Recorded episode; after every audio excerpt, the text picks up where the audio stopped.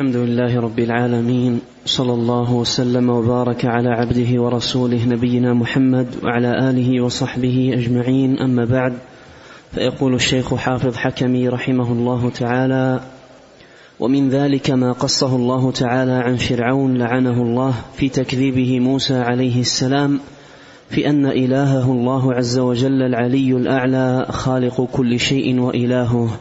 قال الله تعالى في سورة القصص وقال فرعون يا أيها الملأ ما علمت لكم من إله غيري فأوقد لي يا هامان على الطين فاجعل لي صرحا لعلي أطلع إلى إله موسى وإني لأظنه من الكاذبين.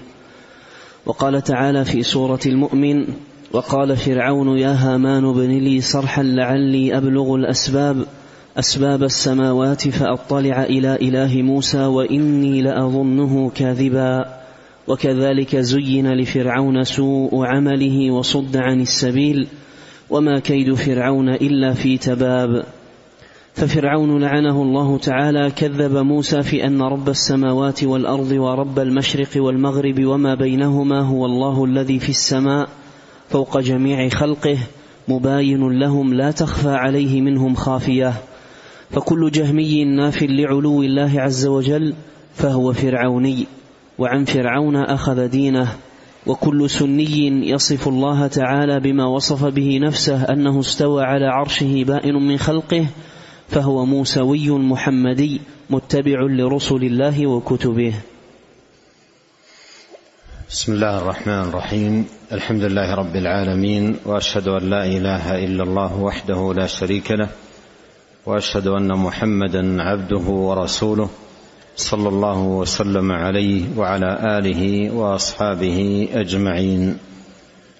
اللهم يا ربنا فقهنا في الدين.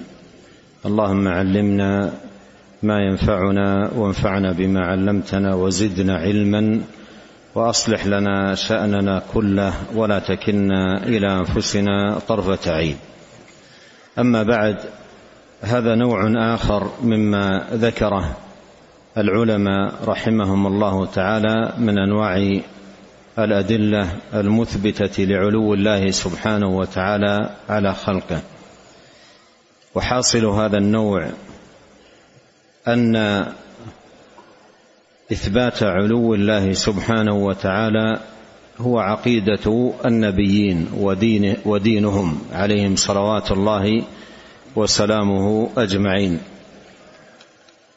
وكما لا يخفى عقيدة الأنبياء ودينهم واحد لا اختلاف بين نبي وآخر في أمر من أمور الاعتقاد وإنما الاختلاف يكون في الشرائع. ولهذا قال النبي عليه الصلاة والسلام نحن الأنبياء أبناء علات ديننا واحد وأمهاتنا شتى ومعنى ديننا واحد أي عقيدتنا واحدة. فالعقيدة واحدة لدى جميع النبيين. ومن ذلكم هذا الأصل من أصول الاعتقاد ألا وهو إثبات علو الله سبحانه وتعالى على خلقه. فإن مما تخبر به رسل الله عليهم صلوات الله وسلامه أقوامهم أن الرب العظيم والخالق الجليل المقصود المعبود الملتجأ إليه سبحانه وتعالى في السماء علي على خلقه. علوا يليق بجلاله وكماله وعظمته سبحانه وتعالى. ويخبرون أممهم أن الوحي الذي أتوا به هو نازل من رب العالمين. منزل من الله تبارك وتعالى في علوه جل في علاه. ولهذا فإن جحود فرعون لعلو الله سبحانه وتعالى ناشئ من عتوه وكبره كما قال الله سبحانه وتعالى وجحدوا بها واستيقنتها أنفسهم ظلما وعلوا. أي جحد في الظاهر مع أن نفسه في الباطن على يقين بأن ما جحده هو الحق. ولهذا انظر في آخر أو أواخر سورة الإسراء ماذا قال موسى عليه السلام لفرعون في هذه المسألة نفسها وأيضا فيما يتعلق بعلو الله؟ قال لقد علمت ما أنزل هؤلاء إلا رب السماوات والأرض بصائر. وإني لأظنك يا فرعون مثبورا. لقد علمت ما أنزل هؤلاء إلا رب السماوات. يعني أنت على معرفة ودراية بأن هذا الوحي الذي جئت به منزل من الله سبحانه وتعالى في علوه جل في علاه.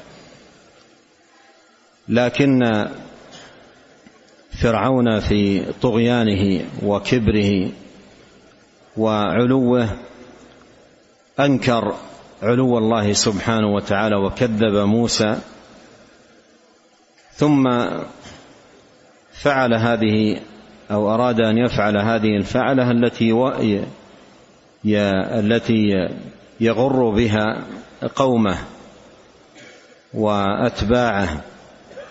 قال يا هامان ابن لي صرحا. ابن لي صرحا. لماذا؟ لماذا أراد بناء هذا الصرح حتى يظهر بزعمه أخزاه الله أن موسى كاذبا أن موسى كاذب فيما أخبر به من علو الله ونزول الوحي منه جل في علاه. وفرعون هو القائل ما علمت لكم من إله غيري. ما علمت لكم من إله غيري. قال لهم ذلك ثم أتبع هذه المقولة بما يريد به التمويه على قومه والاستخفاف بعقولهم. فقال لوزيره هامان ابن لي صرحا لعلي أبلغ الأسباب أسباب السماوات فأطلع إلى إله موسى وإني لأظنه كاذبا. والصرح هو البناء العالي الشامخ المرتفع. وأراد منه أن يبني له الصرح من أجل أن يصعد صعودا الهدف منه تكذيب موسى فيما ادعاه من أن الله سبحانه وتعالى في السماء.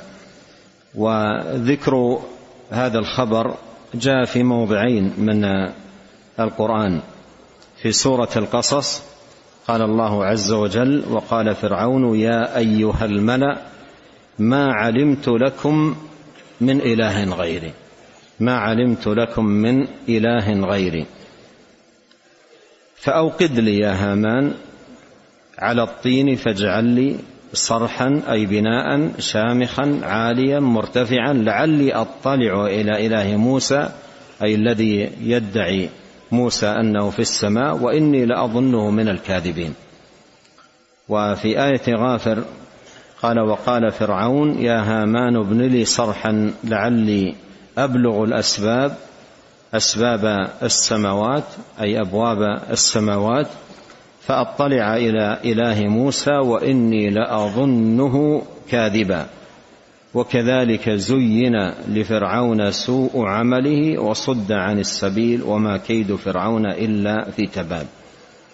الحاصل أن هذا السياق المبارك في موطنين من كتاب الله سبحانه وتعالى عده العلماء رحمهم الله تعالى نوعا من أنواع الأدلة في إثبات علو الله وأن إثبات علو الله هو عقيدة الأنبياء. وجحد علو الله سبحانه وتعالى هو المكد هو عقيدة المكذبين بما جاء به الأنبياء. ولهذا ينبغي أن يعلم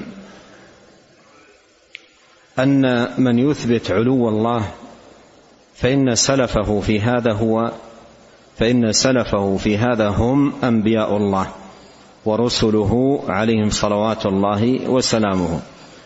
ومن يجحد علو الله سبحانه وتعالى فإن سلفه في هذا فرعون. ومن ومن على شاكلة فرعون. نعم. قال رحمه الله تعالى ومن ذلك ما قصه الله تعالى في قصة تكليمه موسى حين تجلى للجبل فاندك الجبل قال الله عز وجل ولما جاء موسى لميقاتنا وكلمه ربه قال رب أرني أنظر إليك قال لن تراني ولكن انظر إلى الجبل فإن استقر مكانه فسوف تراني. فلما تجلى ربه للجبل جعله دكا وخر موسى صعقا. الآية. قال الترمذي رحمه الله في جامعه في تفسير سورة الأعراف حدثنا عبد الله بن عبد الرحمن قال أخبرنا سليمان بن حرب قال أخبرنا حماد بن سلمة عن ثابت عن أنس رضي الله عنه أن النبي صلى الله عليه وسلم قرأ هذه الآية فلما تجلى ربه للجبل جعله دكا. قال حماد هكذا. وأمسك سليمان بطرف إبهامه على أنملة أصبعه. قال فساخ الجبل وخر موسى صعقا. هذا حديث حسن صحيح غريب لا نعرفه إلا من حديث حماد بن سلمة.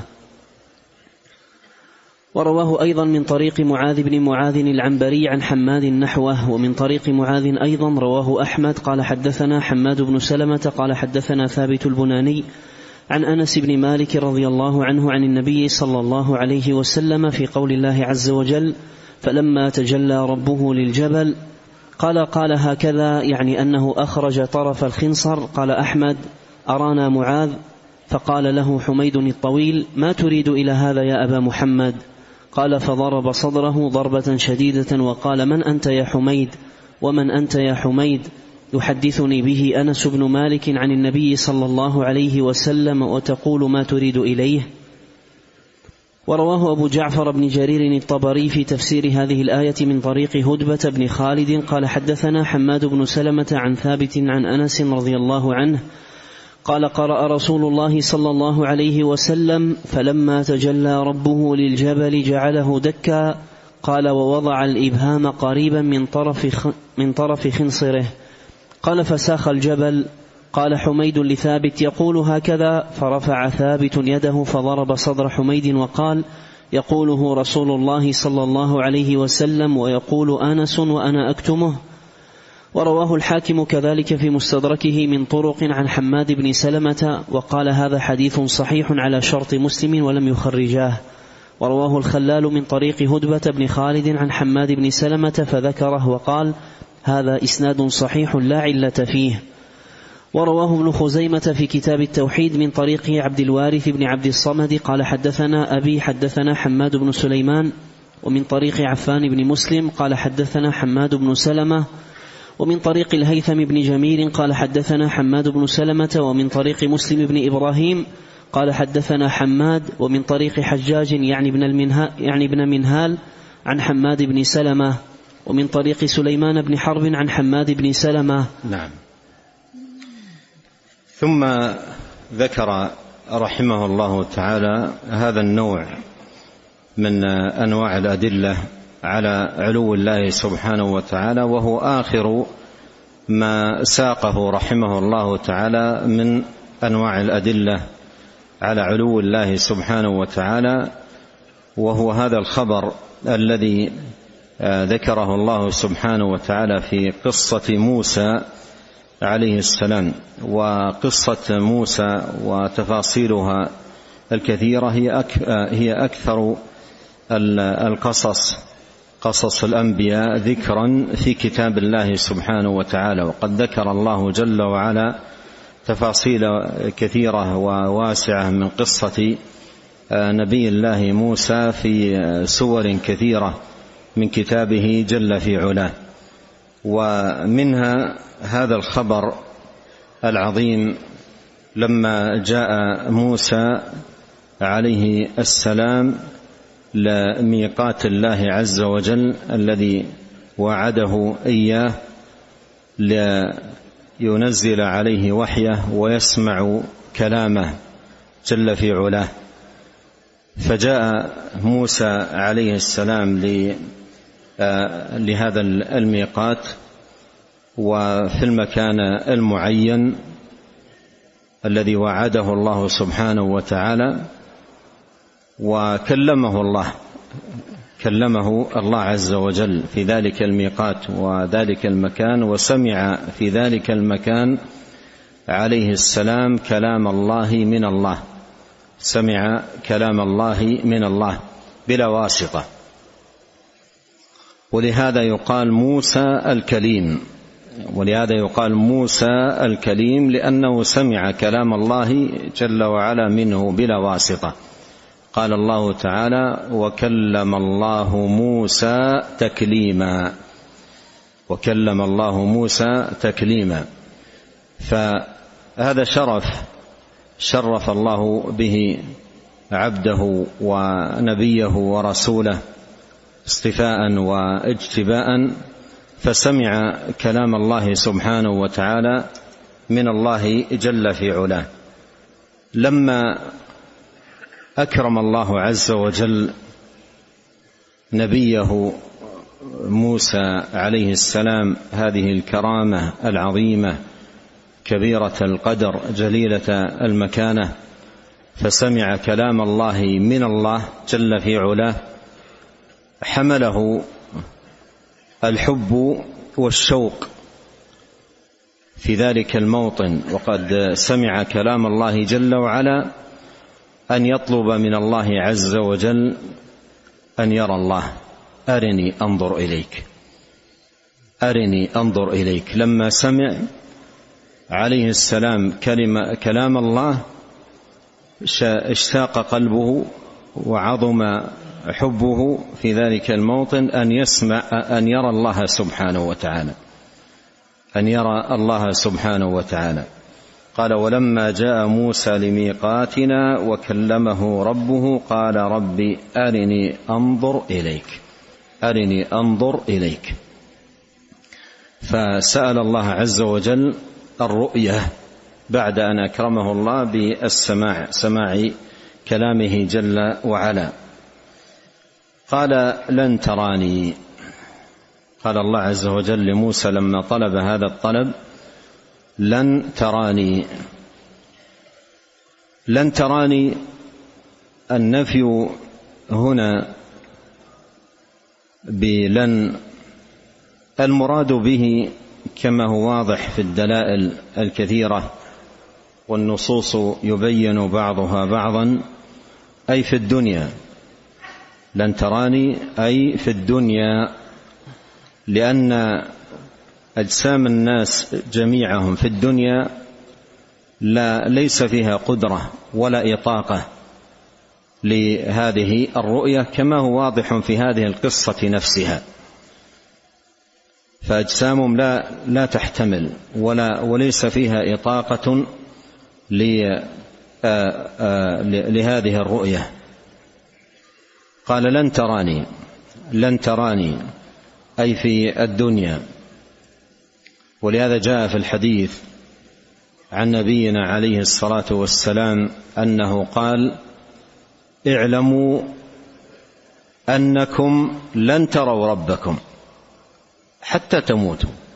انظر ماذا قال لن تروا ربكم حتى تموتوا. هذا مفسر لقوله لن تراني. فالنفي هنا ليس على ما يقوله المبتدعة الضلال من المعتزلة ومن لف لفهم نفاة الرؤية يقولون أن النفي هنا للتأبيد. هذا ضلال. قولهم النفي للتأبيد ضلال وجهل بشرع الله ونصوص كتابه وسنة نبيه. عليه الصلاة والسلام. قال عليه الصلاة والسلام اعلموا أنكم لن تروا ربكم حتى تموتوا. فإذا قوله لن تراني النفي هنا خاص بالدنيا. لا يشمل الآخرة. لا يشمل الآخرة وإنما هو أمر في الدنيا. وهذا له نظائر. يأتي النفي بلن في أمور مختصة في وقت ما مثل الدنيا. انظر إلى نفي الله عز وجل آآ آآ نفي الله عز وجل بلن عن اليهود تمني الموت. قال ولن يتمنوه ابدا بما قدمت أيديهم. هذا في الدنيا. أما في الآخرة لما يدخلون النار يتمنون الموت. ولا تنافي. فالحاصل أن النفي هنا في قوله لن تراني أي في الدنيا. في الدنيا. لما؟ لأن أجسام العباد أجسام العباد كلهم في الدنيا غير قادرة ولا مطيقة على ذلك. وأرى الله سبحانه وتعالى موسى برهانا يبين عدم الإطاقة يبين عدم الإطاقة في الدنيا لهذه الرؤية. قال ولكن انظر إلى الجبل ولكن انظر إلى الجبل فإن استقر مكانه فسوف تراني. فسوف تراني. إذا الرؤية ممكنة لكن الأجسام في الدنيا غير مطيقة. والله سبحانه وتعالى يبدل الأجسام في صفات في في قوتها وقدرتها يوم القيامة فتكون مطيقة لهذه الرؤية. ولهذا يكرمهم يوم القيامة بالتجلي لهم فيرونه مثل ما جاء في الحديث الذي في صحيح مسلم إذا دخل أهل الجنة الجنة قال الله هل تريدون شيئا أزيدكم؟ فيقولون ألم تبيض وجوهنا؟ ألم تدخلنا الجنة؟ ألم تنجنا من النار؟ قال فيكشف الحجاب. يعني يحصل التجلي. فيكشف الحجاب فما أعطوا شيئا أحب إليهم من النظر. إلى الله سبحانه وتعالى. ذاك في الآخرة والله سبحانه وتعالى في ذاك آه، اليوم يجعل آه، أجسام العباد مطيقة آه، قادرة محتملة لهذه الرؤية. بل تكون هذه الرؤية هي أطيب لذاتهم وقرة عيونهم وأنس قلوبهم وتمام بهجتهم وكمال سعادتهم. أكرمنا الله عز وجل أجمعين بذلك وجعلنا من أهله بمنه وكرمه. قال ولكن انظر إلى الجبل فإن استقر مكانه فسوف تراني فسوف تراني. فلما تجلى ربه للجبل فلما تجلى ربه للجبل التجلي معناه معروف وهو الظهور. فلما تجلى ربه للجبل وجاءت السنة ب جاءت السنة مفسرة بقدر هذا التجلي الذي حصل للجبل في الأحاديث التي ساقها المصنف رحمه الله تعالى. آه، النور الذي ظهر للجبل من ذات الله سبحانه وتعالى قدر يسير. جاء بيان ذلك في ما ساقه المصنف من حديث ساقه من طرق وهو ثابت عن نبينا الكريم صلوات الله وسلامه عليه. قال ف قال ولكن انظر إلى الجبل فإن استقر مكانه فسوف تراني فسوف تراني. فماذا كان؟ قال فلما تجلى ربه للجبل جعله دكا. وموسى ينظر عليه السلام. أمامه الجبل الشامخ الأصم الصلب العالي الكبير أمامه. فلما تجلى ربه الجبل جعله دكا أي صار هذا الجبل في لحظة واحدة تراب. صار ترابا. فهال موسى هذا المنظر العجيب فأغمي عليه. عليه صلوات الله وسلامه قال الله جل وعلا وخر موسى صعقا. أي غشي عليه. غشي عليه قال فلما أفاق قال سبحانك تبت إليك وأنا وأنا أول المؤمنين. أو أنا وأنا أول المؤمنين. قال وخر موسى صعقا أي حصل له هذا الغشي ثم لما أفاق قال سبحانك تبت إليك. جاء في بعض التفاسير عن بعض السلف تبت إليك أي من أن أطلب هذا الطلب مرة أخرى. من أن أطلب هذا الطلب مرة أخرى. وأيضا أنا أول المؤمنين جاء أيضا التفسير عن بعض السلف ومنهم ابن عباس أي بأنك لا ترى في الدنيا بأنك لا ترى في الدنيا. وقد رأى البرهان رأى البرهان البين على أن أجسام الناس لا تطيق آه، هذه الرؤية في الدنيا.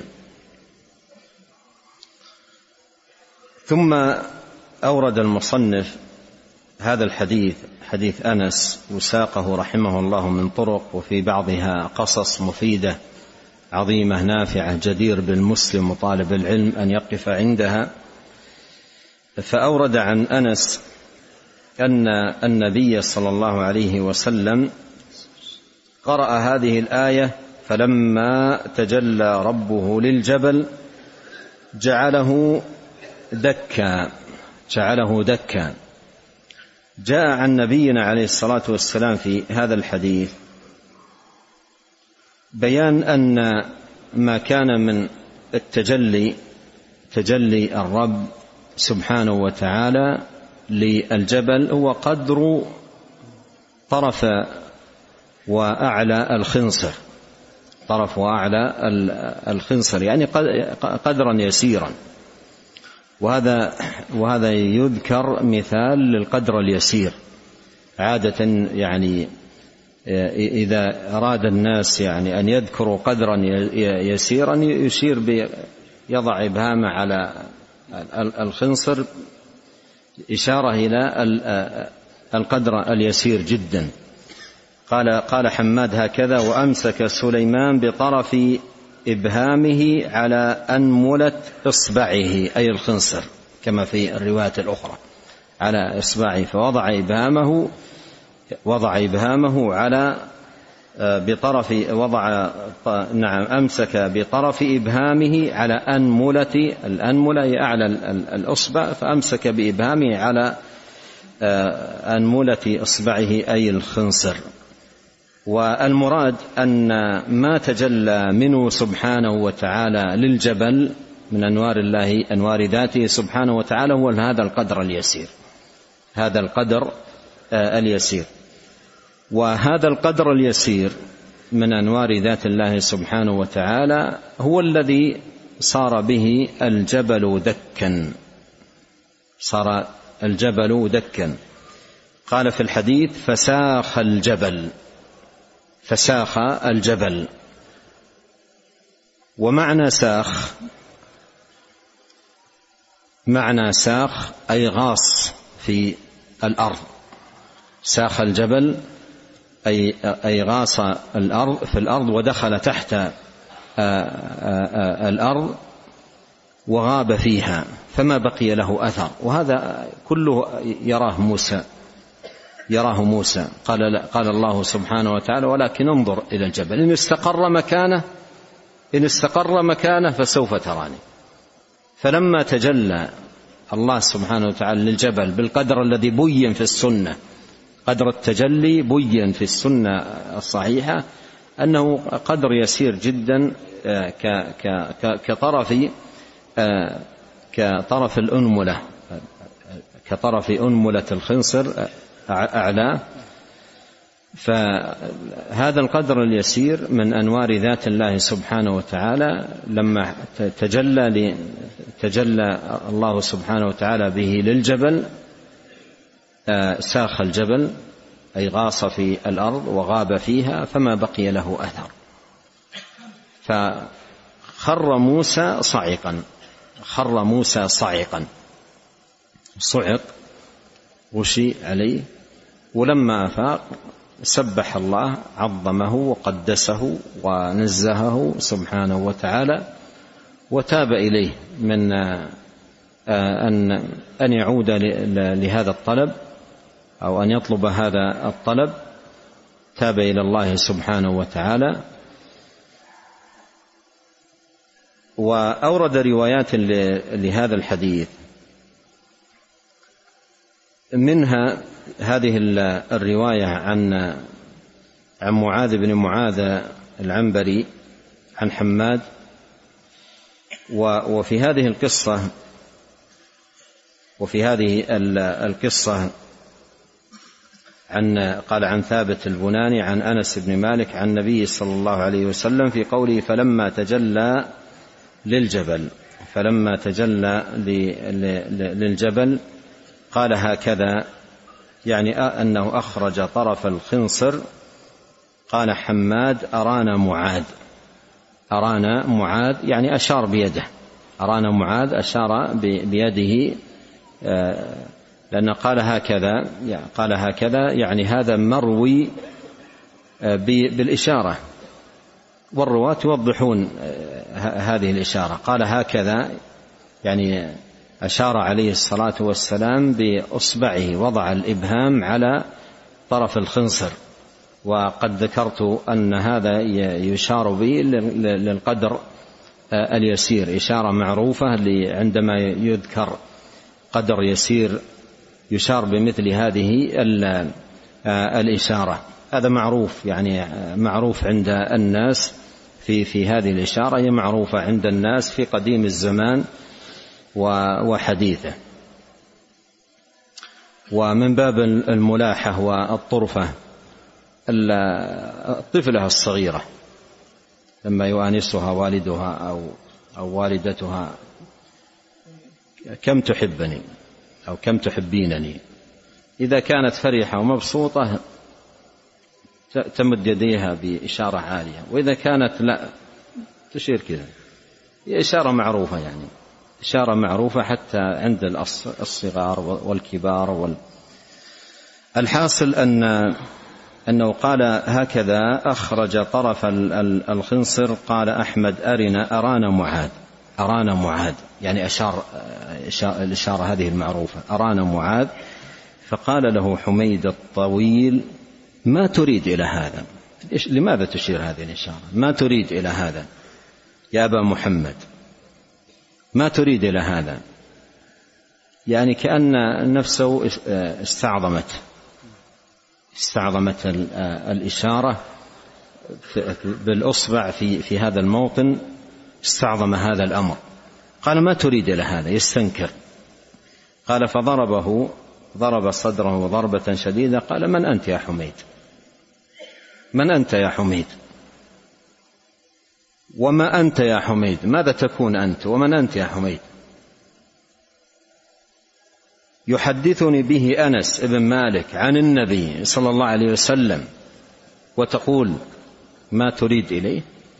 لشيء حدثت به عن أنس حدثني به أنس عن النبي صلى الله عليه وسلم ورويته لكم كما حدثت به عن أنس عن النبي صلى الله عليه وسلم. ثم تقول ماذا تريد؟ ما يقال في شيء من سنة النبي الصحيحة الثابتة ما تريد بهذا وهذا ننتبه. بعض الناس إذا استوحشت نفسه من بعض النصوص التي لا يبلغها علمه بادر إلى الاستنكار. ولهذا جاء في المصنف مصنف عبد الرزاق أن أنه ذكر حديث من أحاديث الصفات. أحاديث الصفات. فانتفض رجل في المجلس. يعني استنكر. استنكر. ما يبلغه علمه فاستنكر ذلك. فقال ابن عباس رضي الله عنه ما فرق هؤلاء؟ إيش الخوف هذا؟ ما فرق هؤلاء؟ يجدون رقة عند محكمه ويهلكون عند متشابهه. ويهلكون عند متشابهه. فالحاصل أن أحاديث النبي عليه الصلاة والسلام معظمة ويؤمن بها وتمر كما جاءت وتبلغ للأمة ولا تقابل باعتراض أو انتقاد أو رد أو غير ذلك. حتى وإن توقفت نفس الإنسان توقف النفس يرجع إلى شيء فيها. أما سنة النبي عليه الصلاة والسلام ماضية وتامة. وتحفظ وتبلغ للأمة. حتى يعرف من دين الله سبحانه وتعالى ما عرف به النبي صلى الله عليه وسلم أمته. وهذا فيه من بيان عظمة الله وجلاله وكماله سبحانه وتعالى. وفي تفسير لهذه الآية من كتاب الله وأن التجلي تجلي الرب سبحانه وتعالى للجبل الذي صار به دكا وساخ في الأرض أي غاص فيها هو قدر قدر يسير قدر يسير جدا من أنوار ذات الله من أنوار ذات الله سبحانه وتعالى. في الرواية الأخرى قال فضرب صدر حميد وقال يقول يقوله رسول الله صلى الله عليه وسلم ويقوله أنس وأنا أكتمه لما قال ما تريد يعني تروي هذا الخبر أو تذكر هذا هذا الأمر قال يقوله رسول الله صلى الله عليه وسلم ويقوله أنس يعني راويا له عن رسول الله صلى الله عليه وسلم وأكتمه أنا وأكتمه أنا يقوله رسول الله صلى الله عليه وسلم أي ذاكرا ويقول أنس أي آثرا. ناقلا عن عن النبي صلى الله عليه وسلم. وأنا أكتم يعني أكتم هذا الذي يأتيني آه، خبره عن النبي عليه الصلاة والسلام وأسمعه من صحابته الكرام رضي الله عنهم وأرضاهم. أما وجه دلالة هذا الخبر على العلو أما وجه دلالة هذا الخبر على العلو علو الله سبحانه وتعالى فيظهر بالنقل الذي ساقه المصنف رحمه الله تعالى عن الإمام ابن خزيمة في كتابه التوحيد. نعم. قال رحمه الله تعالى قال أبو بكر ابن خزيمة رحمه الله تعالى على هذه الآية قبل سياق الحديث بهذه الطرق أفليس العلم محيطا يا ذوي الألباب أن الله عز وجل لو كان في كل موضع ومع كل بشر وخلق كما زعمت المعطلة لكان متجليا لكل شيء. أفليس؟ أفليس العلم محيطا؟ يا ذوي الألباب أن الله عز وجل لو كان في كل موضع ومع كل بشر وخلق كما زعمت المعطلة لكان متجليا لكل شيء. وكذلك جميع ما في الأرض لو كان الله تعالى متجليا لجميع أرضه سهلها ووعرها وجبالها وبراريها ومفاوزها ومدنها وقراها وعمارتها وخرابها وجميع ما فيها من نبات وبناء لجعلها دكا كما جعل الله الجبل الذي تجلى له دكا. قال الله تعالى فلما تجلى ربه للجبل جعله دكا. انتهى. من ينكر وهذا توضيح لكلام الإمام بن خزيمة من ينكر آه، علو الله ليس أمامه بعد هذا الإنكار إلا إحدى عقيدتين. كل واحدة منهما أضل من الأخرى. ليس له ليس امامه إلا إحدى عقيده من ينكر علو الله لا, لا ليس امامه إلا إحدى عقيدتين.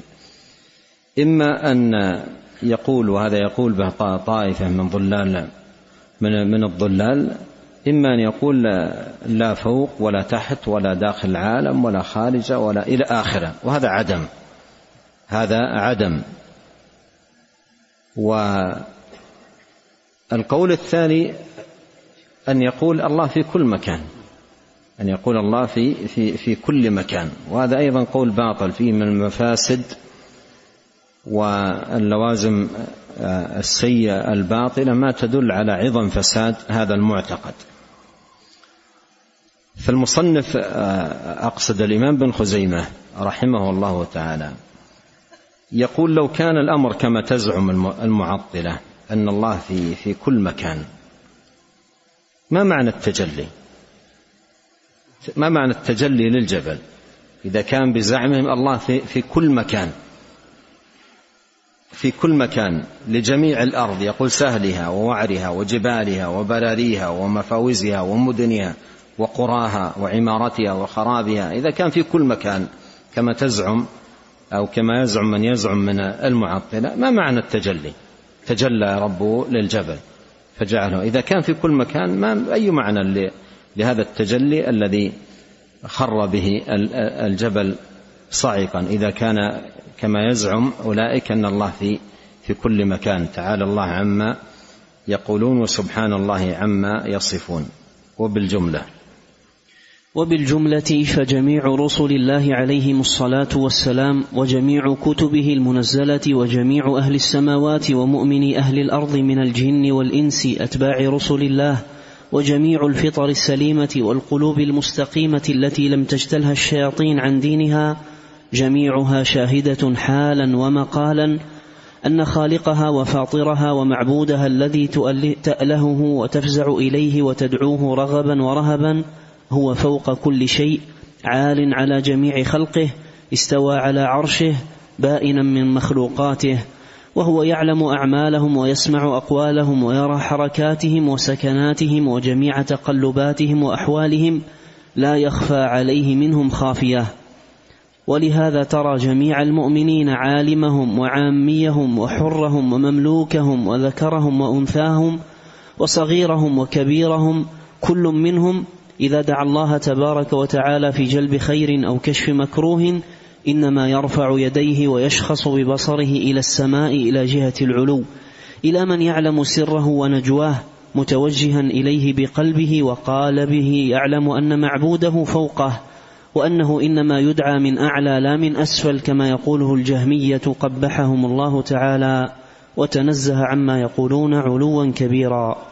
أنهى بهذا رحمه الله تعالى ما قصده من بيان أنواع الأدلة على علو الله سبحانه وتعالى ثم من بعد ذلك بدأ يسوق النقول عن الصحابة ومن اتبعهم بإحسان في تقرير ذلك وإثباته وبيانه. نسأل الله آه، لنا أجمعين التوفيق والسداد والمعونة على كل خير. أحسن الله إليكم وبارك فيكم ونفعنا الله بما قلتم وغفر الله لنا ولكم وللمسلمين. يقول هذا السائل هل كفار قريش كانوا مقرين بتوحيد الربوبية من كل وجه أم أم أن هناك بعض الخلل أم كان هناك بعض الخلل؟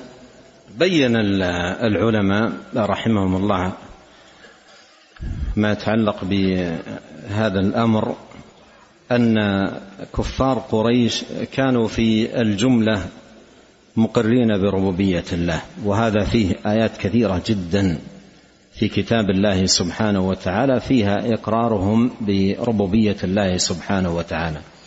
لكن هذا هذا الإقرار هو في الجملة في معتقدهم. لكن يوجد عند كثير منهم إنكار جوانب وأمور لها تعلق بربوبية الله سبحانه وتعالى. والمقريزي رحمه الله في تجريد التوحيد أشار إلى هذا المعنى وذكر أشياء أو أمثلة من واقع المشركين في وجود الخلل عند بعضهم في جوانب تتعلق بربوبية الله. لكنهم في الجملة آه، إذا سئلوا من الرب من الخالق من الذي خلق السماء من الذي خلق الأرض من الذي خلقكم من الذي ينزل المطر لا يقولون الأصنام وإنما يقولون الله. فإذا قيل لهم لما اذا تعبدون هذه الأصنام يقولون ما نعبدهم إلا ليقربونا إلى الله زلفى. نعم. أحسن الله إليكم. يقول إثبات العلو وأن الله في السماء يدل على أي توحيد؟ هذا من توحيد المعرفة والإثبات مما يجب أن أن نعرف ربنا سبحانه وتعالى به أنه علي على خلقه. وهذا العلو علو الله سبحانه وتعالى على خلقه من براهين توحيده ودلائل وجوب إخلاص الدين له. وهو أيضا من دلائل بطلان التعلق بغيره. فإن العبادة لا تصلح إلا للعلي الكبير سبحانه وتعالى. ولهذا قال الله سبحانه ذلك بأن الله هو الحق وأن ما يدعون من دونه هو الباطل وأن الله هو العلي الكبير. يأتي كثيرا آه، ذكر هذا الاسم في خواتيم الآيات التي تقرر التوحيد.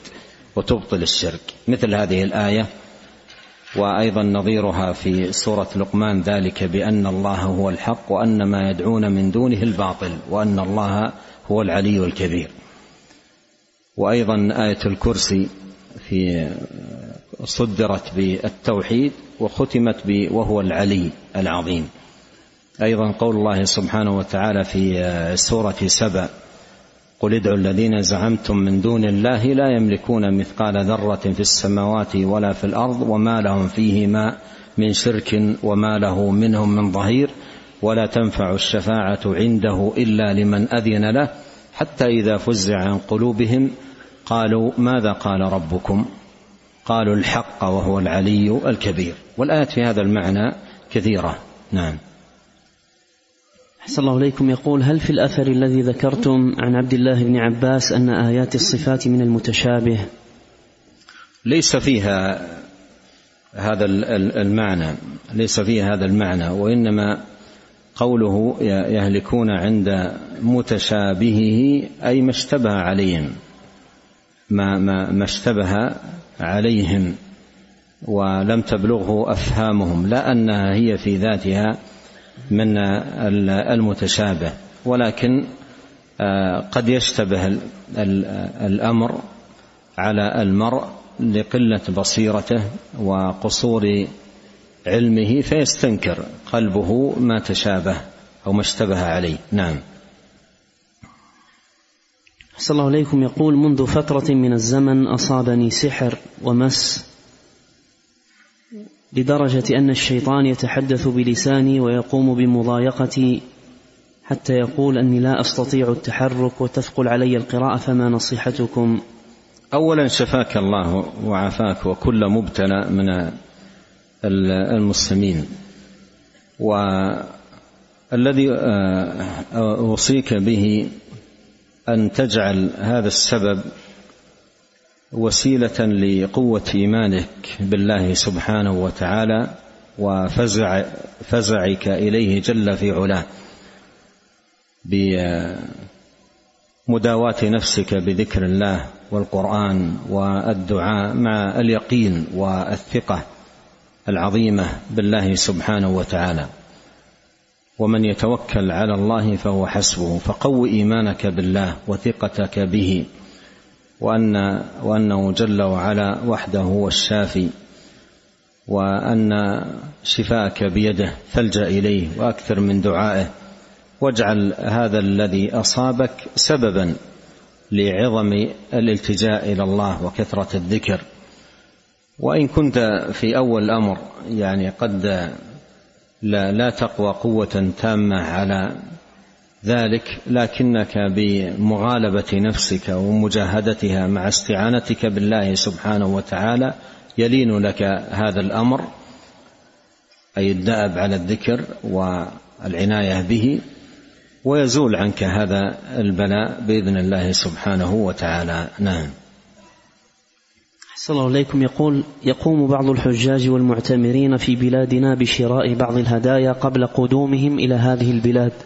وعند عودتهم يقومون بتقسيمها على الأقارب والأصدقاء بنية أنها جاءت معهم فهل هذا العمل يصح؟ جزاهم الله خيرا. هدية طيبة بعد السفر الحج أو غيره للأقارب للأبناء ل...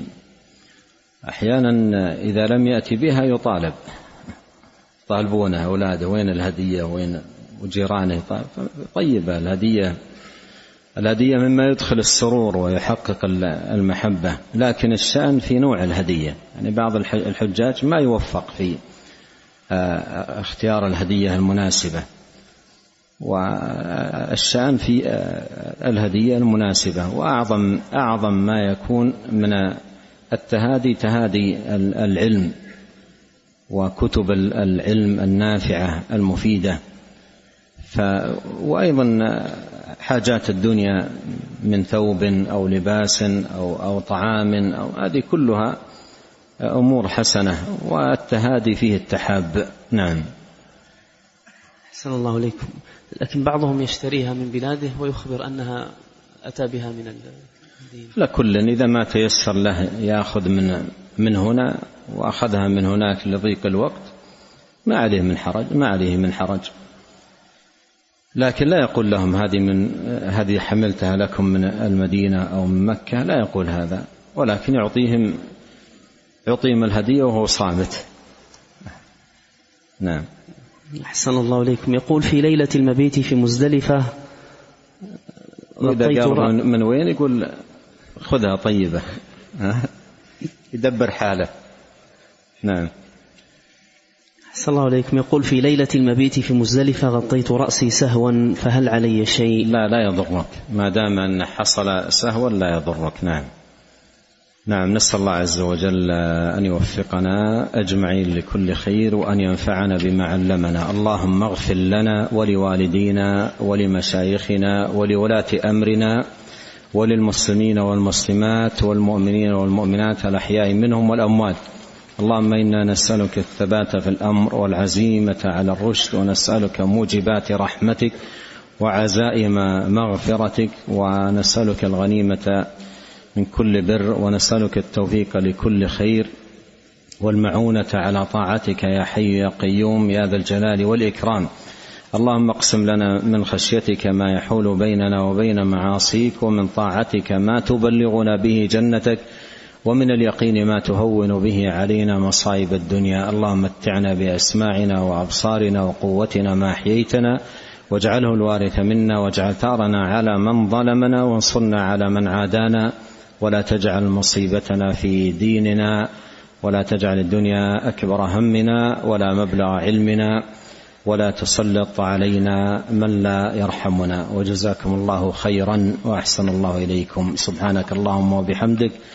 أشهد أن لا إله إلا أنت أستغفرك وأتوب إليك. اللهم صل وسلم على عبدك ورسولك نبينا محمد. جزاكم الله خيرا.